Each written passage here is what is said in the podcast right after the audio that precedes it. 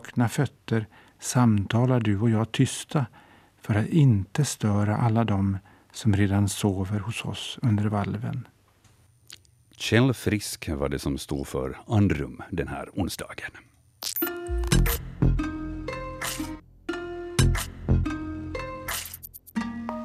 Det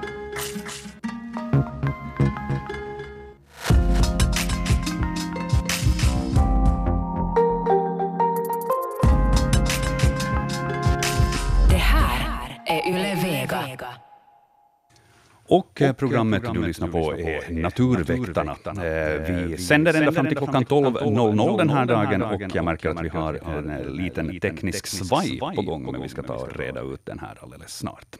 Så där, nu är det som det ska vara. Joakim Lax heter jag och önskar dig hjärtligt välkommen. Experterna idag, Hans Hestbacka och eh, Anders Albrecht. Annika Ljungberg hon sköter sociala medier och bildbloggen och så har vi Satu Ulmanen som sköter tekniken i Böle. Bildbloggen, eh, den hittar ni på svenska.yle.fi natur. Där kan ni följa med under sändningens lopp, alla de frågor som vi har fått in här tidigare, och eh, så ska vi uppdatera den också ifall det kommer in fler frågor med bilder här per e-post. Och är det så att du vill kontakta oss per e-post och skicka in en fråga med bild, då kan du göra det på natursnabelayle.fi. Natursnabelayle.fi. 0611 12 13 är telefonnumret du kan ringa ifall du vill nå oss. Vi börjar ta era samtal om en 15 minuter ungefär. Och är det så att ni vill skicka paket, brev eller vykort eller dylikt, då kan ni skicka in det på adressen Naturväktarna, Ylevega, postbox 12 00024 Yle. De frågorna hinner vi inte med i dagens sändning, men eh, då tar vi dem nästa månads första onsdag, med andra ord den 7 november, eftersom Naturväktarna sänder första onsdagen i månaden under hösten, vintern och våren. Eh, Vi kanske ska börja med Anders och Hans och helt enkelt eh, dels önska er välkomna och sen också passa på att fråga, har ni varit ute i skogen nyligen? Ja, Ja, tack, tack. Säg du först bara. ja, hej hej. Eh, ja, senast för två dagar sedan så var jag och vandrade i en skärgårdsskog i Närpe, och det var fantastiskt. En relativt gammal orörd skog, där jag till och med fick eh, både se och höra järpe och skogsmesar och eh, större hackspett, eh, korsnäbba. Sån här lite gammaldags skog. Det var fantastiskt fint. Och lite kantareller också. Ja, någonting som kom med hem kanske också. Japp, i stekpannan. Ja, det låter bra. Anders då? Ja, det är nog skog, skogen som har dragit nu också.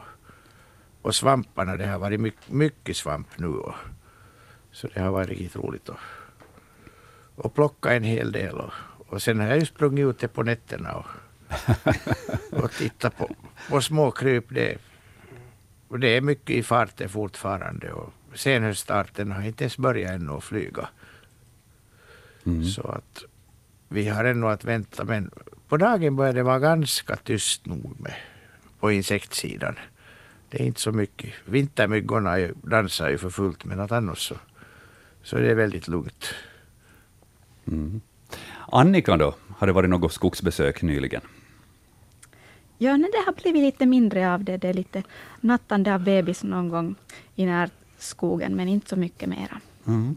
Men hur är det med era skogsbesök? Har ni kommit ihåg att registrera dem på svenska.yle.fi natur? Nej, bara i huvudet. Nej, det har jag nog inte.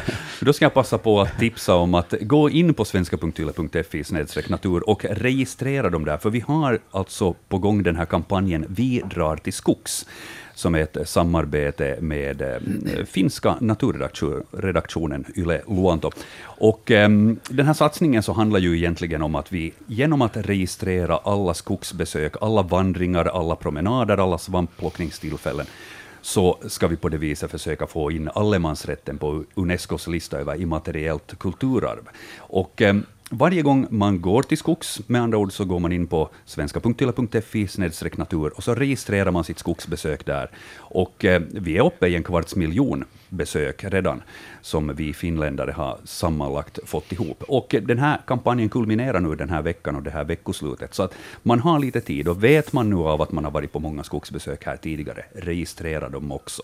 Det är inte liksom på det viset att vi är noga med att det har skett just den här veckan. Men gå gärna in och registrera de här, för jag tycker det här är en viktig sak att lyfta upp. För den här allemansrätten som vi har så är unik i Norden och speciellt också i Finland, där vi har en ganska utvidgad allemansrätt jämfört med andra ställen. Och det skulle vara viktigt att på något vis få bevara det här också för kommande generationer, tycker jag. Eh, hur många skogsbesök blir det ungefär per år? Har ni koll på det? Nej, jag har, jag har inte räknat, utan jag försöker hinna ut, ut så, på så många så många gånger som möjligt, gärna i kombination med, med en båttur i skärgården. Mm. Ja, det är samma för mig, men det blir nog åtskilliga. Jag skulle inte, kanske inte varje dag, men det börjar nog när, närma sig nu när jag är pensionerad. Så det, man hinner ju på ett annat sätt. Mm. Försöker nog komma ut så ofta det bara går desto större orsak att just ni två går och registrerar, för då får vi många skogsbesök där på en gång. ja. Bra. Vi hinner inte ut i skogen om vi ska sitta och registrera. Är det sant? Och eftersom vi håller på ända fram till klockan 12.00 så kan det hända att det blir ett snabbt skogsbesök idag, men måste försöka hinna med det i varje fall. Mm. Hörni, vi ska gå över till eh, första frågan för dagen och eh, vi kollar i e-posten och hittar eh, Kai Blombergs e-post. Och eh, den här eh, frågan så har också eh, en bild i bildbloggen, bild nummer ett, där som ni kan ta och titta på, ni som är inne på datorn samtidigt. Eh, Kai undrar helt enkelt, vem är det som tassar runt vårt hus på natten? Kai från Snappatuna som har skickat in det här, och eh, det är en bild som är eh, tagen med någon form av eh, viltkamera på natten. Så den kan ju vara lite svår att tyda i och med att färgerna inte finns där, men vad säger experterna? Vad är det som rör sig på bilden? Ja, eh, mink eller mård, mård eller mink, någondera. Ja, man ser inte riktigt storlek och färgerna kan man ju inte lita på. Nej, nej färgerna kan man inte lita på. Uh, mården är ju förstås uh, en given i skogen, men mink rör sig också i skogsområden. Och och mården kan röra sig i skärgården, till och med simma precis som minken. Så att eh, i och för sig passar båda in här. Och mm. båda finns ju i Snappertuna. Den verkar ju ha någon eh, vitare eh, teckning under hakan, mm, typiskt både för mink och mård. Ja. Mm. Så Men det, det är väl nog... Jag vet inte, de här viltkamerorna, de, de registrerar väl infrarött också? Det, ja. det vita kanske är varmt bara. Mm. Ja. Och det är ju varmt under hakan. Ja, det, det, pass, det passar ändå inte på den här mårdens fläck riktigt. Mm. Mm. Tycker jag. Det, no, det är nog svårt att säga. Ja. Mink eller mård, eh, ja. men vi säger inte vartåt det lutar.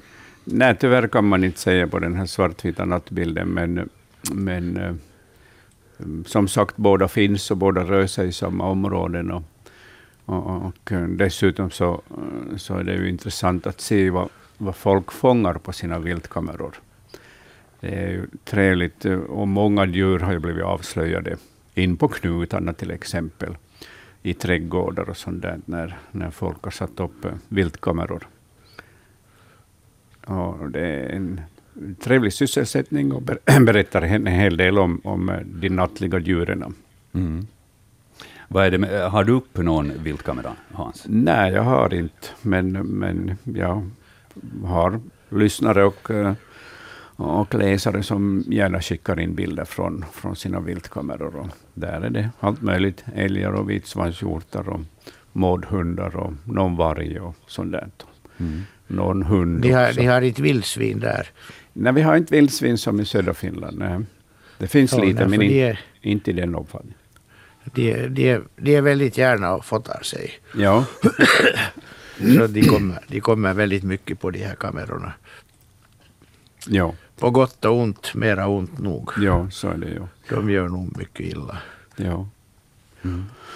Okej, men mink eller mård är det som har fastnat på Kajs kamera där. Vi vågar inte gissa desto mera. Som sagt, lite svårt att, att se storleken och sånt.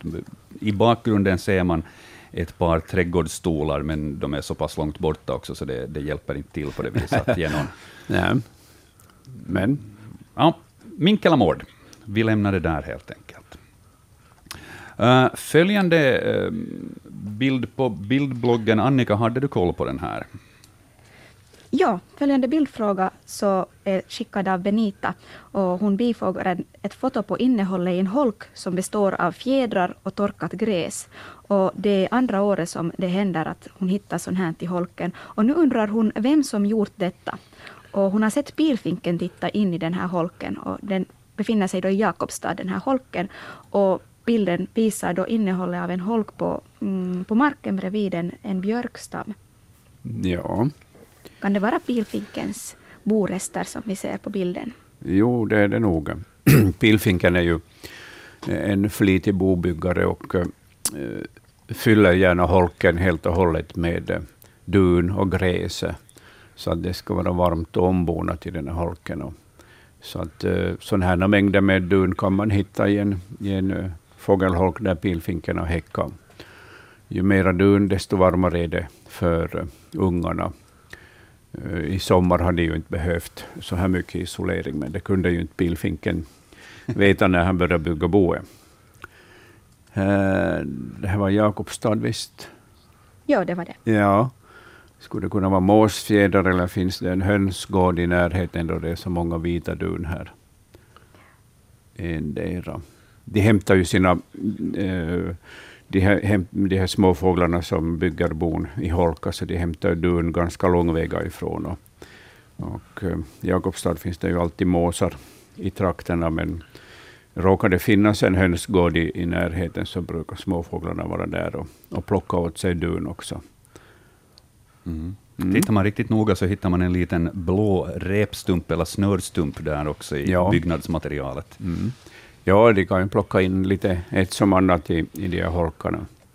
De här eh, fåglarna och stararna de hämtar ju in eh, färggranna föremål och sen vissa växter som, eh, som ohyran inte tycker om. Så de håller på med en sån här biologisk bekämpning av, av ohyra i sin holk. Jag drar mig till minnes att vi har diskuterat också det att vissa fåglar tar in cigarettfimpar i, i Ja. holken också. Och där kan man ju först tänka att nej men usch vad obehagligt att de har plockat upp sånt och det är, förmodligen får de i sig nikotin och allt möjligt annat och det är dåligt för dem. Men var inte det också helt enkelt för att hålla bort vissa skadedjur? Ja. ja, det är så pass eh, starka ämnen i de här fimparna så att så de här skadedjuren håller sig borta. De har ju bland annat ett gott luktsinne och undviker förstås gärna sådana här holkar där det finns fimpar. Där Benitas bild på pilfinks eh, bobyggnadsmaterial.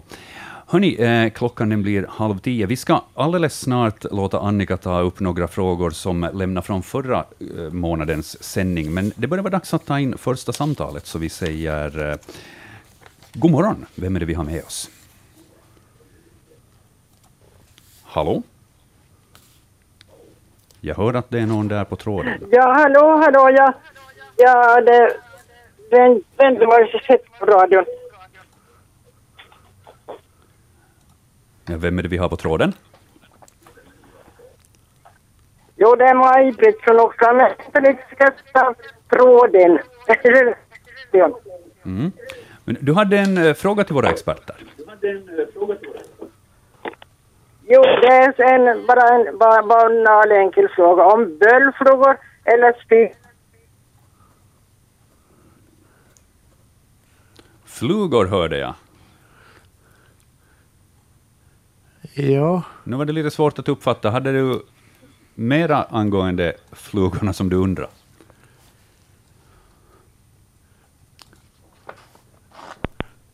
Ah, nu tappar vi henne där. Då eh, lämnar vi helt enkelt det samtalet och så får vi se ifall hon hör av sig på nytt ifall det var något tjall på telefonlinjen. Och så går vi istället till de här frågorna, Annika, som var kvar från eh, förra gångens sändning. Ja, förra gångens sändning avslutades efter att Mona Karp hade ringt och frågat om snokar. Och vi blev ännu över fundera över att kan snokar finnas ofta ända upp i Österbotten. Uh, hon hade sett snokar i Nykarleby i skolåldern och biologiläraren hade först sagt att det nog inte ska finnas snokar i den höjden, men beskrivningen stämde ändå på snok. Så hur långt norrut kan man normalt se snoken? No, det normala är ju att eh, snoken finns eh, längs med kusterna upp till Kristinestad. Eh, och sen i inlandet eh, upp till Nyslottshöjd. Sen när vi går längre norrut från Kristinestad upp till Vasa och, och Jakobstad så finns det enstaka observationer, men det finns en, inte en enhetlig utbredning. Eh, De nordligaste eh, observationerna är gjorda i Uleåborg, så att snoken kan gå ganska långt norrut, men att den är, den är nog knuten till södra och sydvästra Finland. Ja, sen har vi en annan fråga som berör en bild som jag alldeles strax har satt in på bildbloggen. Så om du är inne på svenska.yle.fi och har hittat bildbloggen, så då kan du uppdatera sidan. Så hittar vi en hand med en grön boll som sista bilden på bildbloggen. Det är alltså Mikkel som har tidigare skick, Ehm, som tidigare har skickat in en fråga som vi redan behandlar och undrar vad det är han har hittat i ett närbeläget träsk. Och det är någon lavliknande vattenväxt som han hittar på bottnet. Och han undrar om det är en indikation på sjöns tillstånd. Och han har då alltså skickat in en bit av den här växten som vi har funderat på tidigare. Och nu har Anders haft en möjlighet att titta på vad det kan vara Mikkel har hittat i botten av träsket. Ja, ja jag satte den i mikroskopet och kunde konstatera att den består av avlånga celler som är, är täckta, glest täckta av, av sådana ovala fjäll, kiselfjäll. Och en sån här ganska enkel förgrening med mycket tät. Så det är fråga om en, en alg som är av släktet Cladophora eller tidigare det, alltså släkt med, med grönslicken och den här heter getragsalg. En sån här mycket, mycket tät, tätvuxen och grov. Och de här kiselfjällen gör den sträv och det är därifrån den har fått namnet getragsalg. Den är så, den är så där sträv och hård. Det är, det är ingenting att äta för den, det faktiskt det gnisslar mellan tänderna det där kislet. Men att den här är mera känd för att det är den som bildar de här så kallade sjöbollarna. Att när den växer lösryckt i, i gropar i vattnet där vattnet rör sig så genom att den ständigt växer uppåt så blir det sådana runda bollar som vi hade här en gång i var det förra året vi hade i sändning? Jo, jag tycker ja. vi har haft dem flera år. Ja. Ja, och det här är nu den som så som den egentligen normalt växer, alltså som ett överdrag på bottnet. Och det är när de lossar bitar av den som det blir de här bollarna. Och den är, den är helt naturlig, den har ingenting med förorening att göra. Den, snarare tvärtom, den syresätter ju vattnet och den, den är härbärge för en massa små insekter som lever där och får skydd av det. Så det, det är inget problem. Och den, eventuellt när det har varit lågvatten så har den kommit fram liksom synligare. Att man brukar vanligen inte se den så mycket vid stränderna. Men i alla fall det är en, en rolig alg. En ja, rolig alg. Ja.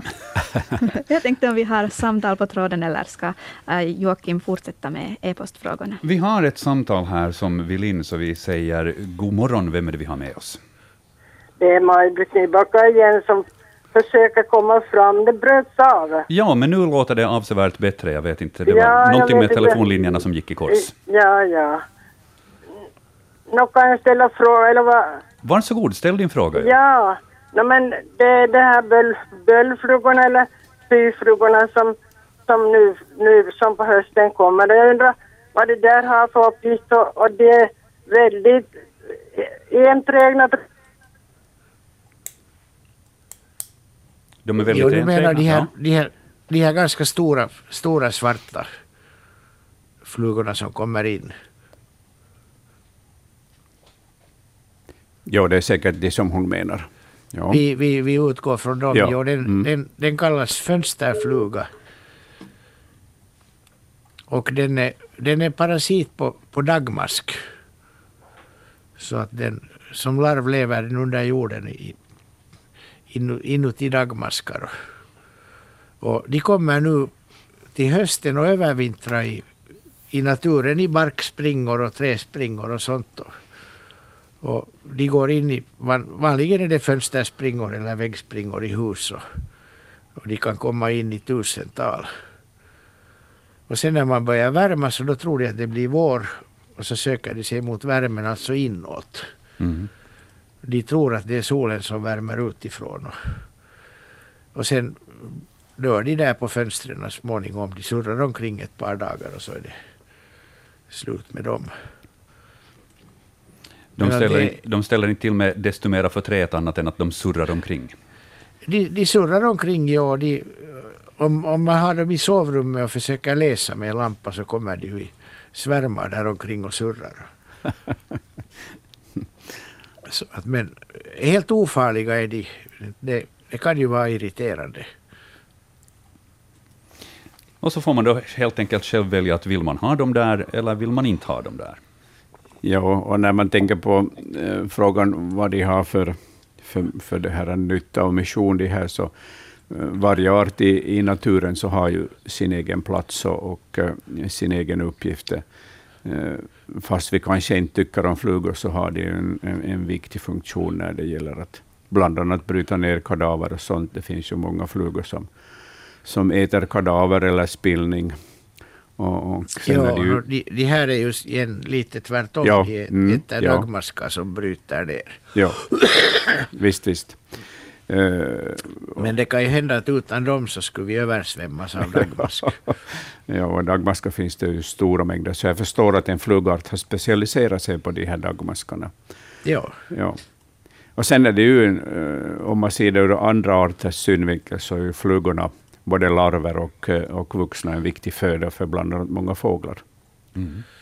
De är mycket viktiga, jo. Ja.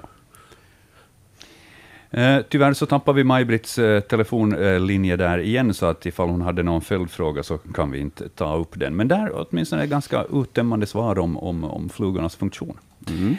Ja, eh, vi går vidare i bildbloggen som ni hittar på svenska.yle.fi natur och bild nummer tre där så är en bild som Jannika har skickat in.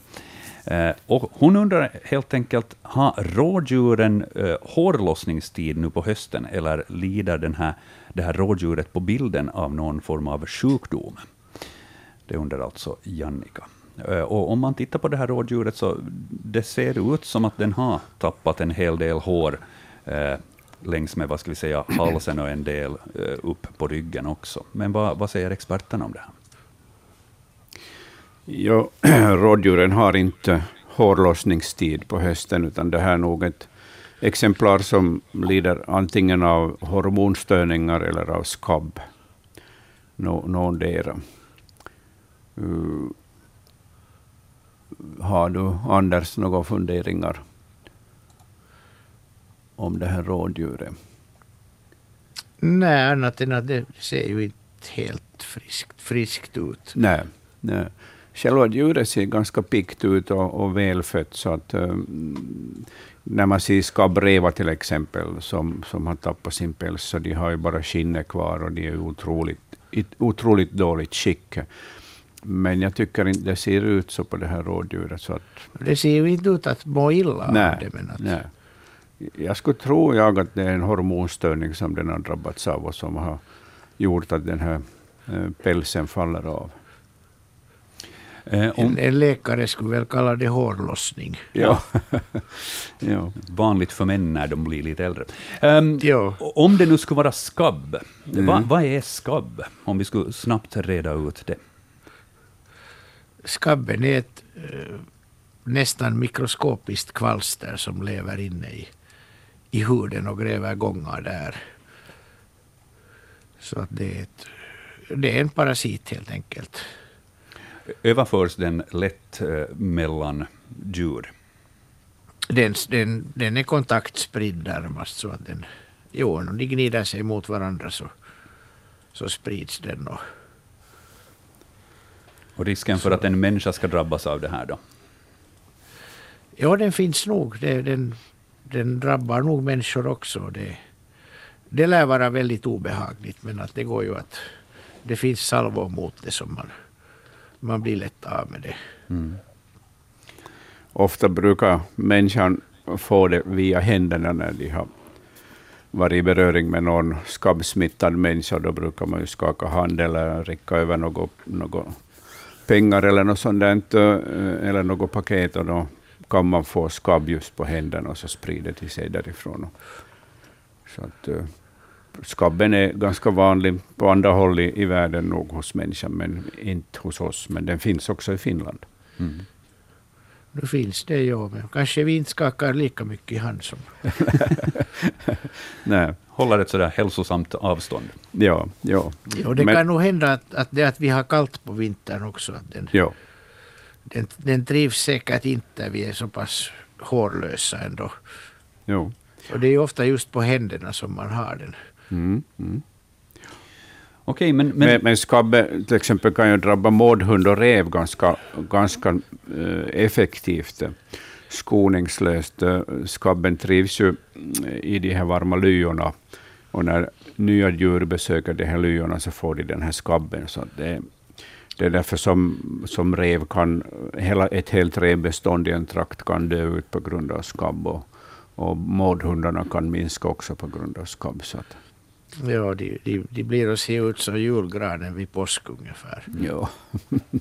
Man får väl anta också att skabb lätt kan sprida sig ifall man då hittar ett djur som har antingen dött på grund av skabb, eller att man till exempel i det här fallet skulle nedlägga ett rådjur som har skabb, och så går man och hanterar det, och så får man det här.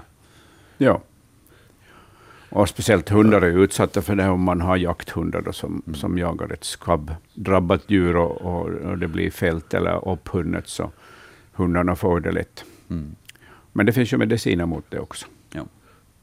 Men att noga med, med handtvätt och liknande, ifall man har hanterat ett liknande djur, så då bör man väl kunna undvika det någorlunda. Ja, handskarna på i så fall. Ja. Ja.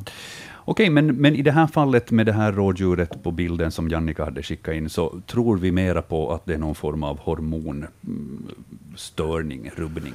Ja, det är nog min, mitt uh, första alternativ. 0611 12 13 är telefonnumret ni kan ringa ifall det är så att ni har någon fråga till våra experter i Naturväktarna.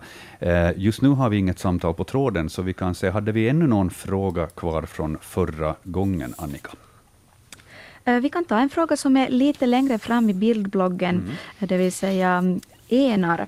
Det är en lyssnare som, från Pujo som ringde in åt oss under förra sändningen och mm, hade sett vid stranden Um, en en där årskotten hade blivit till långa hängen. De var cirka 20 centimeter långa, mjuka, de här hängena på toppen av enen, då alltså i övre ändan. Och undre ändan av enen var vanlig och tidigare hade också enen sett helt vanlig ut.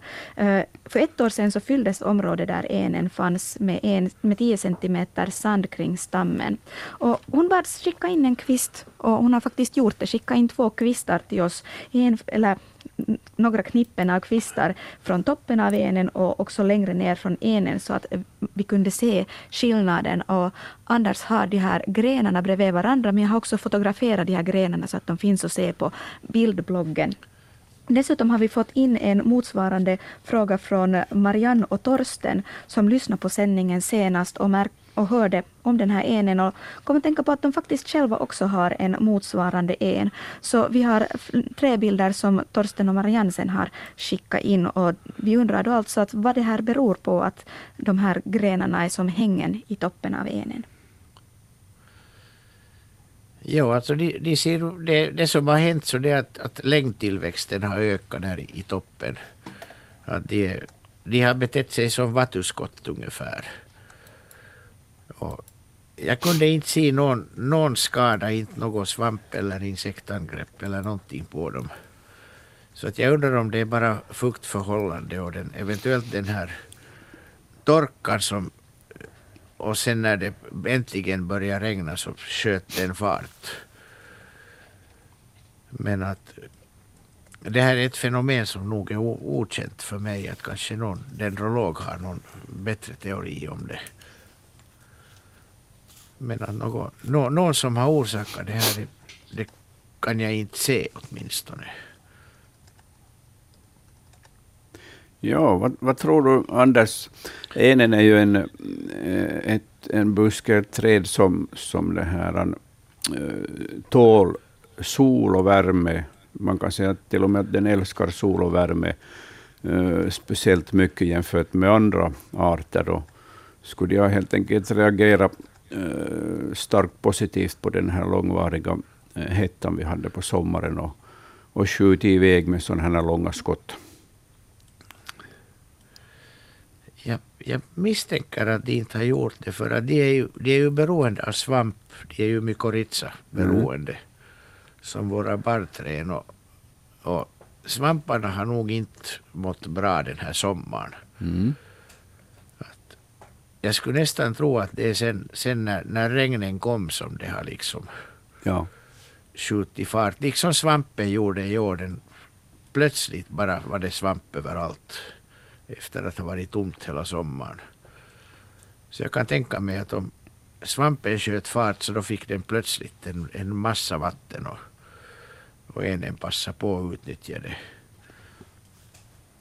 Men att det, det är nog ganska taget från rockärmen. Ja, Även så mina funderingar. Men, att, mm. men den exceptionella sommaren har säkert, eh, ligger säkert bakom det här fenomenet. Mm. Jag, jag skulle tro att det har, har med den sommaren att göra också. Mm. Det har ju dött igen en massa enar som Ja. det, om, om, om de får fötterna i, i torrt så då, då brukar det vara slut med enen. Mm. Och det, det är också på fuktiga ställen så de är vana vid en viss vattennivå. När den sjunker under den så, så är det klippt.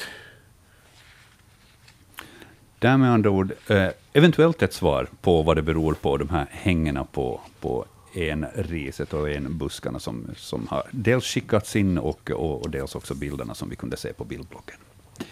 0611 12 13 är telefonnumret man ska ringa ifall man vill komma i kontakt med Naturväktarna. Och vi har en lyssnare på tråden, så vi säger god förmiddag. Vem är det vi har där? Ja. ja, god förmiddag. Det var Helmer Sik från Monäs i Karleby. Jag har en fråga som kanske nå närmast Hans Hästbacka bor geografiskt att svara på. Att min dotter har kaniner och, och vi har dem i en revbur och, och, och avstängd så de har som varsin bur.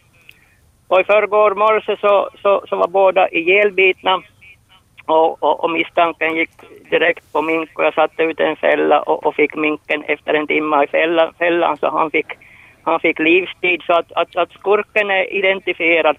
Men det var det som jag inte förstod mig på att de var biten, bitna i strupen och jag kan inte riktigt förstå att minken ska ha sluppit in i de där burarna. Att, men kan ju minken bita från utsidan, i så fall skulle tassarna ha blivit bitna ja, vad är det för eh, storlek på de här, de här maskorna i Ja, buren? det, sj- själva buren är ju den, det där 25 gånger 25 millimeter, men då var det då såna där rev matbord, så där var det 25 gånger 10 millimeter, som 25 millimeter mellan spolarna. Men, men kan minken verkligen gå in mellan så, så täta spolar? Ja.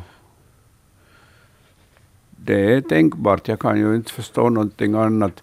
Nej, inte jag heller, men jag tycker det är lite osannolikt att den ska pressa. Jag har ett förflutet som minkfarmare Ja. också, så jag vet, jag tycker det låter osannolikt att, och, att den skulle liksom pressa sig in i båda burarna. Skulle den, skulle den då i så fall ha, ha måste fara, men de är ju nog nöjesmördare minkar, det, det, det Ja, vet jag sedan ja, tidigare. Så. Ja, det är det.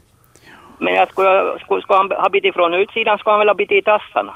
Inte, inte får han in, eller, eller skulle de där kaninerna vara så nyfikna så de ska komma så nära så han har fått, fått bi- bitit dem där mellan spolarna till exempel. Nå, nu tror jag ju att kaninerna eh, har reagerat negativt på det här Jag tycker, jag tycker så också. Jag tycker Ja. också. Och de var bita, bi, bitna på samma ställe båda två och de går väl på strupen, minkarna. Ja, de gör det. Ja. Jag, jag har ju nog sett när de har liksom varit i sån där lö, lös, lös gående hönsgårdar. De, de, de tar ju, sl- ah, inte, tar de bara för att äta, de, tar, he måste, de måste ju ha, ha det som ett nöje att döda. Ja, de har alltså, eh, minken har eh, härstammen från Nordamerika. Och, Ja, ja, det vet jag. och där har den ett, eh, ett sådant beteende att den, när den kommer till ett ställe där det finns mycket föda så dödar den mycket, både fåglar och fiskar. Och, och, Mm. och det där är förstås till godo när hösten börjar och det blir kallare så att de får ett förråd med föda. Ja, just så. De, de har liksom... Ja, så, att- så att delvis så betjänar, Ja. det, betjänar nog det här myckna dödande dem, men att under sommaren så är det ju eh, lönlöst för att de ruttnar ju bort de här Ja, bytena. ja, ja. Så att nog får vi ju kalla den blodtörstig, det är alldeles Ja, klart. no, det har jag, det har visst sen Mm. tidigare med att de skulle, att de skulle ta sig in på sådana smala springor, det hade jag inte riktigt trott. Ja, men jag kan nog inte tro något annat än att de faktiskt har gjort det. Ja, det, det, det är jag in på, men jag, jag tycker Ja. det är lite osannolikt och, och, och liksom i båda burarna har den varit Ja, in då. Att, ja, var det en hona? ja, det är en hona, men det var ganska kraftigt, att inte var det någon Ja. no, no, mager hona. Ja. jag, kan inte riktigt förstå. Att, Ja. Har du, ja, prov, för han, ja. har du provat om huvud ryms in i, i de här no, inte har jag det. Jag har ju nog den levande, levande fortfarande. Ja, mm, precis. Men att jag, ja, jag- vet faktiskt inte att Jag tycker det är så osannolikt att eh, de här kaninerna skulle ha sträckt fram strupen. Ja, nej, jag kan inte förstå det Ja. heller, men, men, men att, nåja, Ja. döda är de ju hur som helst, men Ja. det, var lite, det var lite märkligt. Ja, visst, visst. Mm. Så, no, men jag tackar. Ja, jag ja. tackar. Tack Mm. för samtalet. Tack, hej. Tack, hej. Ja, nöjesmördare, jag vet inte om man kan tala om att det är ett nöje för den, utan precis som du var inne på, att det är ett, det är ett beteende den har för att samla på sig ett matförråd. Ja, den har en otroligt stark drift att döda. Och, och, och ibland, framförallt under hösten, så är det ju till fördel eftersom eh, ky, kylan gör att de här bytena eh, bevaras länge, men på sommaren så är det ju helt lönlöst. De ruttnar ju bort. Det var tråkigt att höra om eh, dotterns eh, Ja. kaniner, men eh, jag tänkte vi kan, vi kan hålla oss kvar på samma temat. Eh, nämligen i bildbloggen så hittar vi ju eh, en bild också på en harunge som har fått sätta livet till. Och eh, ska vi säga, känsliga lyssnare och webbesökare så varnas för kraftiga bilder. Ehm, Johanna Tallgren från Nykarleby skriver så här. Hejsan! I slutet av augusti var jag på sommarstugan i Österbotten. Under en två timmars period på eftermiddagen när jag var inomhus hade följande byte landat på stigen ner till stugan två meter från stugknuten. Eh, en halvt uppäten harunge. Jag har givetvis inte sett vem som levererat kvällsmaten åt mig. Jag har fått förslag om att det kan vara en duvhök som har fångat haren och tappat den, men sannolikheten att den skulle landa på stigen och inte i blåbärsriset omkring känns liten. Dessutom borde det väl synas hackmärken av en näbb. Vilket djur kan det vara frågan om som har strukit eller flugit i knutarna? Det här undrar alltså Johanna i Nykarleby. Och så har vi eh, två stycken bilder på, på den här harungen som, har, som är alltså halvt uppäten men, men tappad på en stig. Vad, vad säger experterna om det här? Är det, är det möjligtvis en duvhök eller kan det vara något annat djur? Ja, det kan vara duvhök eller rev. Eh, uh, duvhöken uh, eh, jagar ju under flyttningen som pågår under hösten. Och, och en halvvuxen hare så är ju ett ypperligt byte för, för en ung duvhök till exempel, som inte är så erfaren jägare än. Och, och uh, är det en duvhök så har den helt enkelt blivit överraskad av Johanna när hon har kommit och, och den har flugit undan. Annars brukar så skulle nog en duvhök uh, kunna sätta i sig den här halvvuxna haren helt och hållet. Så duv, duvhöken ligger nära till hans. Eh, uh, reven är ett annat gott alternativ. Speciellt då en ung, ung rev som, som uh, håller på att bli självständig nu under hösten och, och, det här, och, och uh, lär sig jaga. Och då är ju en, en halvvuxen hare ett lätt byte. Mm.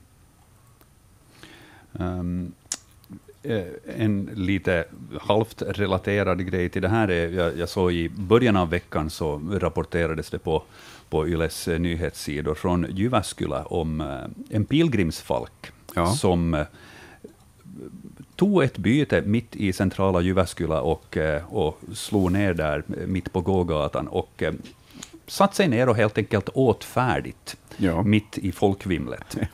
Den lät sig inte skrämmas och lämna kvar bytet, utan den hade bestämt sig för att nej, nu är det lunchpaus och nu tänker jag äta här och, och ni får göra vad ni vill. Eh, Människor samlades runt omkring och det knäpptes några bilder på den här eh, pilgrimsfalken och eh, polisen kom sen dit för att försöka på något vis fånga in den och, och, och undersöka att är den skadad möjligtvis eller behöver den veterinärvård. Men Ja. då bestämde den sig för att flyga vidare, att den ville inte ha så mycket publik ändå. Men, men pilgrimsfalken så har jag förstått att den är vanligtvis väldigt skygg. Att är det här ett onormalt beteende? Nej, no, pilgrimsfalken hörde ju tidigare på 1800-talet och början av 1900-talet till de hårt jagade rovfåglarna. Man ansåg att det var, då- att det var en, viltvårdsgärning att, att döda rovfåglar. Och, och bland annat sköt man dem med hagelgevär och, och det var endast de allra skyggaste individerna som överlevde. Och, men nu har ju pilgrimsfalken varit länge fridlyst och, och fått vara i fred. Och, och, och då finns det också de här orädda exemplaren med i gänget, precis som för havsörnens del och berguvens del. Och, och eh, då, är, då bryr de sig inte om stadens vimmel, utan bara byte som de slår en, en tamduva eller en kaja. Och vi har nog haft eh, jagande pilgrimsfalk här i, i Vasa också på hösten. De har specialiserat sig på tamduvorna.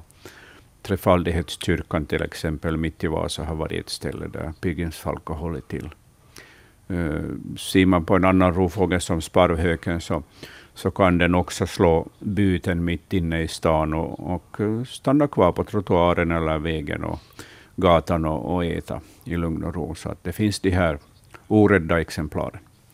Eh, för att återkomma till den här haren, så, så med tanke på hur den ligger, så, så passar duvhöken bra till för att, för att det här, de, de landar gärna på ett eh, öppet ställe för att äta, så att de inte behöver trassla på inne i riset och, och bland kvistar och grenar. Så att, och också det mm, tyder på att det skulle kunna vara en duvhök som har, som har tagit den här har- ha- haren här.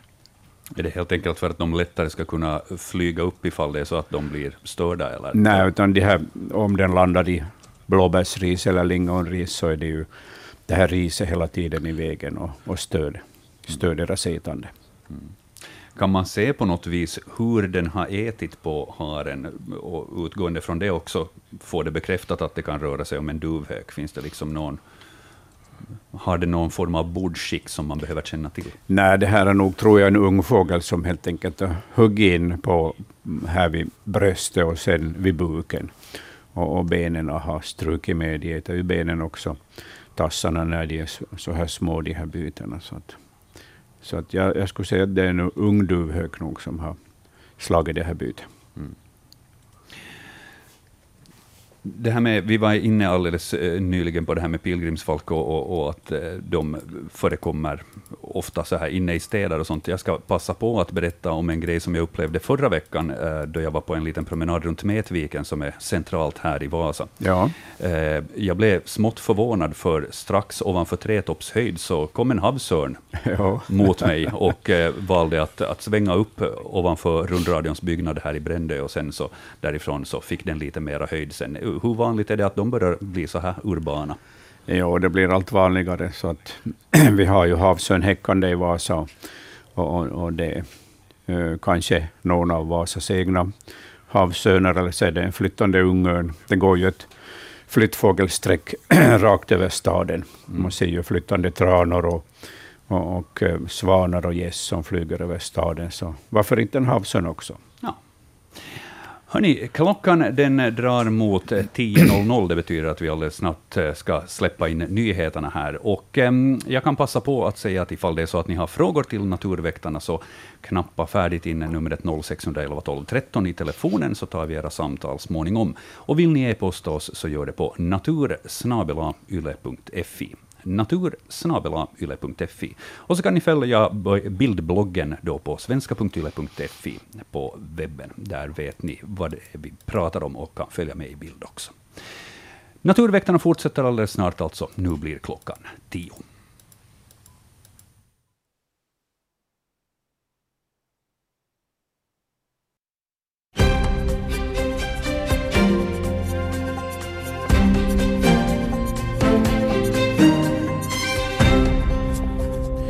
Klockan är tio och det är nyhetsdags. Idag strejkas det på flera håll i Finland då industri och servicefacken uttrycker sitt missnöje med regeringens planer på att försvaga uppsägningsskyddet i mindre företag. Strejken kan komma att synas i mataffärer och kollektivtrafik. Maten tar inte slut men utbudet kan påverkas. Metro, spårvagns och busstrafik kan inhiberas eller stå stilla på grund av fackens övertidsförbud. Övertidsförbudet kan också påverka matleveranser till daghem och sjukhusoperationer. Också åldrings och hemvård kan påverkas. Och Finland investerar mest i utbildning i hela Europa. Det här framgår i en undersökning av Sitra.